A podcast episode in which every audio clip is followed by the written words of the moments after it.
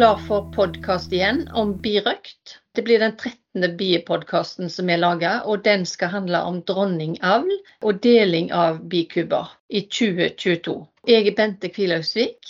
Ja, Birger Kvilhausvik. Mm, du er en erfaren birøkter, har holdt på i mange, mange år. Ja, begynte i 1967, så det blir noen år. Det blir mange år. Ja.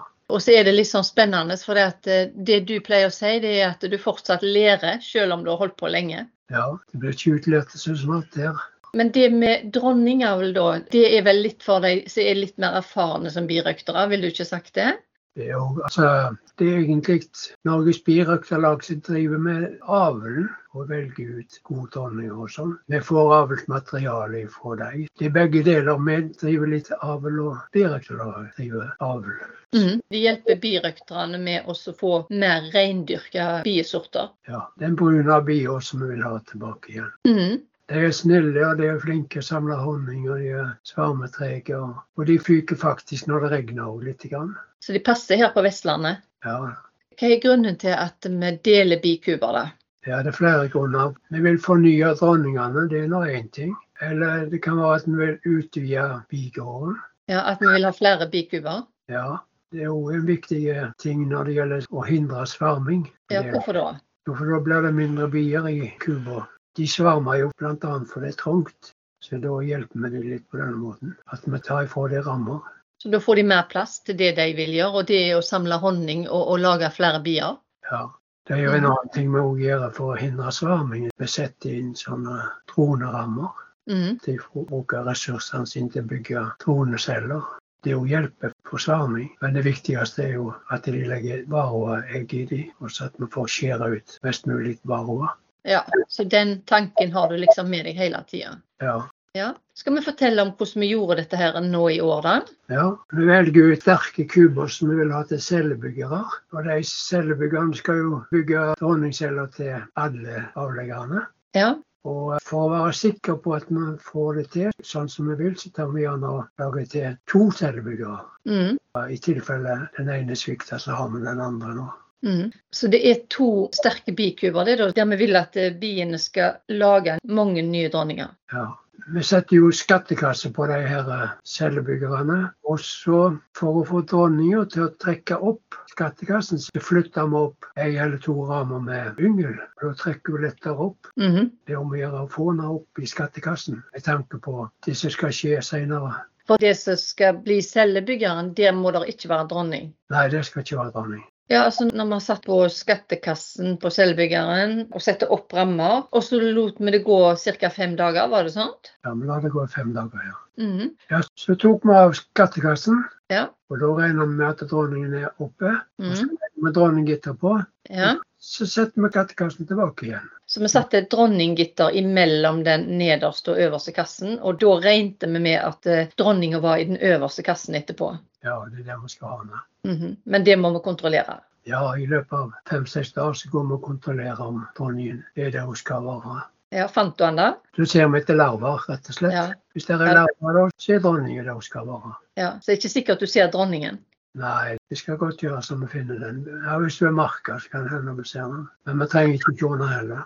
Nei, så lenge det er larver, så vet du at da er dronningen der. Ja. Så den dagen da vi får larvene, da, avlstoff fra den reinpare dronningen fra birektalaget, altså fem dager etter dette igjen, mm -hmm. da flytter vi kassen med dronninga vekk og setter den på et båndbrett. Og så innskrenker vi flyåpningen der dronningen er nå, til 1-2 cm, og at ikke bilen skal fyke tilbake til selvbyggeren, sånn at dronningen sitter igjen alene. Det som vi har da, det er å ha med ei sterk bikube uten dronning, og det vi kaller for cellebyggeren. Mm -hmm. Nå kan vi ta vekk dronninggitteret der, som vi setter på tidligere. Og så tar vi ut ei ramme for å gi plass til rammer med avlstoff. Ja. Avlsmateriale som dronningene skal komme på. Og hva er det for noe egentlig? Det er spesielle rammer, hvis vi kan kalle det rammer i det hele tatt. Det er noen kopper så larvene blir lagt i. Én larve i hver kopp. Mm -hmm. Og det skjer manuelt, ikke sant? Ja. Når den tida kommer, så kan vi ta de av de cellekoppene. Og det er på de cellekoppene dronningcellene sitter da. Ja, og det er jo ikke dronningceller i utgangspunktet, dette. sant? Det er vanlige bielarver ikke sant, som blir lagt i de dronningkoppene. Og så får de ekstra god mat og ekstra god pleie, er det ikke sånt da? Ja, det er jo derfor det blir dronninger av det. God mat og god pleie. Ja. Men den ramma som vi tok ut hos cellebyggeren for å gi plass til den andre, den setter vi bare over i en annen bikube. Ja. For å styrke den. Alle vil bli glad for den, vet du. Mhm. Så gikk vi og henta avlstoff, da. Larvene, ikke birøkterlaget. Mm -hmm. Og eh, som sagt, det sto på ei list med kopper og plass til 20 larver på den. Kaller den for Eivis. Gikk vi til bigården og satte inn den da, på den plassen som hadde lagt det for den. Så smurte vi litt honning oppå rammene og litt rundt for å gjøre det litt attraktivt for biene. Mhm. Og så er det jo viktig at de har godt med mat og godt stell i cellebyggeren. Vi setter fôringskar oppå cellebyggeren. Så ga vi dem en kilo med honning, eller blanding med honning og sukkervann, som vi blander ut i vann. Det får de en kilo hver dag i fire-fem dager. Mm -hmm. Og masse mat, sånn at de skal kunne stelle godt med dronningen, da. Ja, selv om det er bra med mat i cellebyggeren, så får de det på denne måten her. Mhm. Men når det går en fem dager, da, da er dronningkjernen forsegla. Da kan vi ta dem forsiktig opp. Ramme forsiktig opp. Bare fortell at man gir rakt. har lagd. I dag er ikke 20, skjer aldri det. Men hvis vi får en 10-15 stykker, da er vi fornøyde med det. Og for vår del så skal vi ikke ha så mange heller. Nei, du skulle jo trappe ned, sa du. Ja.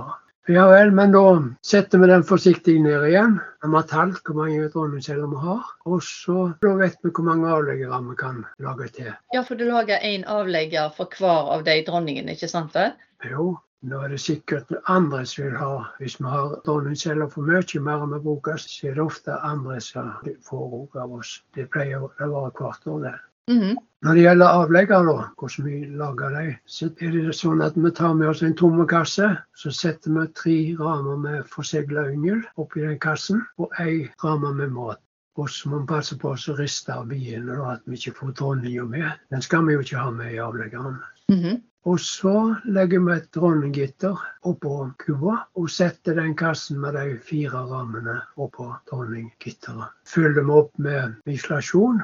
Ja. Ja, en ting til før vi legger lokk på. La de få litt kvikkpollen som vi legger oppå rammene. Mm. De trenger det, for den skal de ha til å fôre yngel med. Ja, for de skal ha rikeslig med mat, de òg. Ja, Men så sa du, du en ting om at uh, vi gir ikke de sukkervann, disse her eh, avleggerne. For at, da kan gjerne de andre komme og røve fra de. ja nei, de skal ikke ha sukkervann. Nei, De eh, tavlene med sukkervann, når er det de kommer fra, tenker du?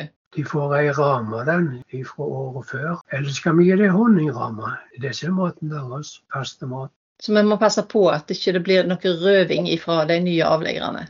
Ja, og så må vi passe på å innskrenke flyhullet til en centimeter eller to. Mhm. Og hvis det er åpent bunnbrett for luft, så kan vi stenge helt igjen i to-tre dager. Men hvis det er tett bunnbrett, da må de få litt luft. Da må de få en centimeter eller to åpning. Og etter noen dager så kan vi la de få litt mer åpning.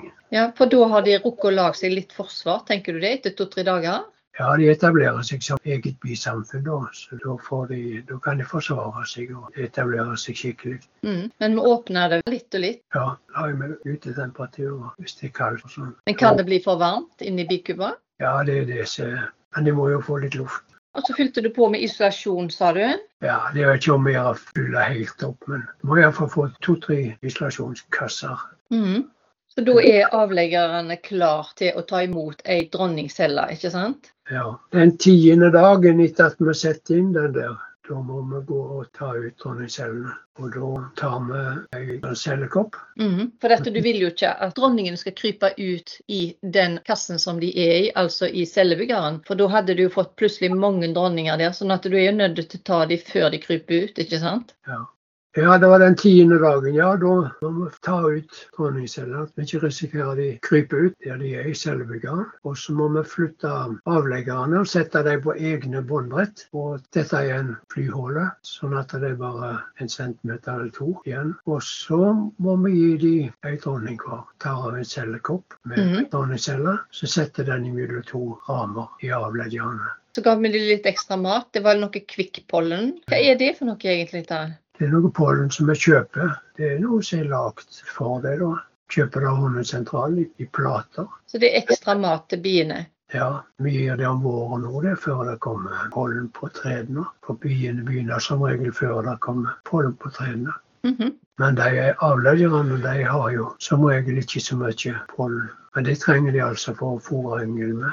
Det kan jo være 2000 bier på ei tavle der, så de, plutselig har de 6000 bier mer, de, vet du, som skal Ja. pleies og stelles. Mm.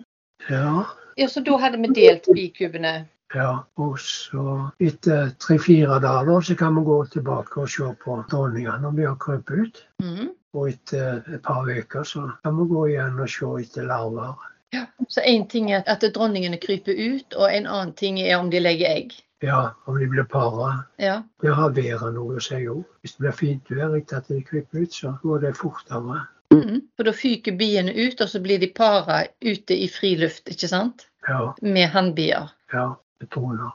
Og når vi ser da at det kommer larver i avleggerne, så vet vi at de er i orden. Og Da pleier jeg å ta og gi dem mer forsegla yngel for å få farten opp på dem, så de blir fort sterke. De får bare ei om gangen, men kan godt hende jeg gir dem både to og tre, men det må gå en stund imellom. Ja, og hva er grunnen til det, da? Nei, de skal ta vare på De må ha nok ressurser, må ha nok bier til å ta vare på de halve varmen i de, i de forsegla yngel. Mhm. Det krever ressurser, selv om de er forsegla. Mm. Men når de biene kryper ut, da, eh, så er de klar til å gå i gang og jobbe med en gang, er det ikke det? Ja da, de får ikke hva jobb som helst, altså. De må gå, de må gå gradene. De må gjøre det de blir satt til. Ja, Så det kan hende du gir de to-tre tavler med forsegla yngel, rett og slett? Ja. På denne måten her så er det ganske ofte at uh, jeg har måttet sette på skattekasser på avleggerne de kommer ut nærmere slutten av juli, og uh, fått honning av det òg. Mhm. Så de blir fortere sterke? Ja. Og ikke nok med det, men så har de større sjanse for å overleve vinteren når de er sterke. Og det er jo litt av vitsen. Du vil jo ha de neste år òg. Ja. Jeg vil heller få noen kilo mindre med honning enn å risikere med avleggerne. Mm. Og nå er det brunbielarver vi har hatt oppi, så det blir mer og mer reindyrka brunbier da, for hvert år. Ja, det håper jeg. Og spesielt her som vi holder på, for det er ikke så mange birøktere. Det er bare to-tre stykker, og de vi samarbeider. Så da kommer det ligge godt an til å få rene brunbier etter hvert. Ja, for det kommer ikke droner fra andre raser og parer seg med dronningen. Det er det du tenker på da? Ja, det er det. Ja, og så Dette her var jo litt tidligere i sommer. Nå senere på sommeren så har vi fulgt med på utviklingen. Gjerne vi har gått der eh, en gang i uka cirka, eller det har det variert litt, gjerne. Vi har passet på utviklingen og passet på hvordan det var med biene. Ja. Om noen har svermer, f.eks. Ja, Har de gjort det? Jeg har mistanke om det, ja. Men neste gang vi skal gå og se nå, så skal vi prøve å finne ut om hvem eventuelt som har svermer. Det er nå helt sikkert at det er noen av svermer, for jeg har jo funnet en sverm. Ja, rett ut forbi. ja. Ja da, men den fikk du opp i en kasse. Ja da, den var såpass stor der at jeg setter den opp i en kasse for seg sjøl. Får se hva jeg skal gjøre med den. Ja. Når jeg er sikker på at det er mine bier, så kan jeg gjøre det ganske lettvint. Sette den i en kasse. Men ellers, hvis det hadde vært mange andre i nærheten, så er det strenge regler hvordan vi skal gjøre med svermene. Det er ikke bare bare å gjøre sånn da. Det tror jeg vi har snakket om en gang òg, gjorde vi ikke det? Jo, vi har snakket om det. På en tidligere podkast. Ja. Ja, og så må vi se til at biene har nok mat når vi ser om de. Og om de har nok plass til å legge egg, og om de har nok plass til å legge honning oppi når de har vært ute og henta det. ja. Har du satt på flere skattekasser på kubene?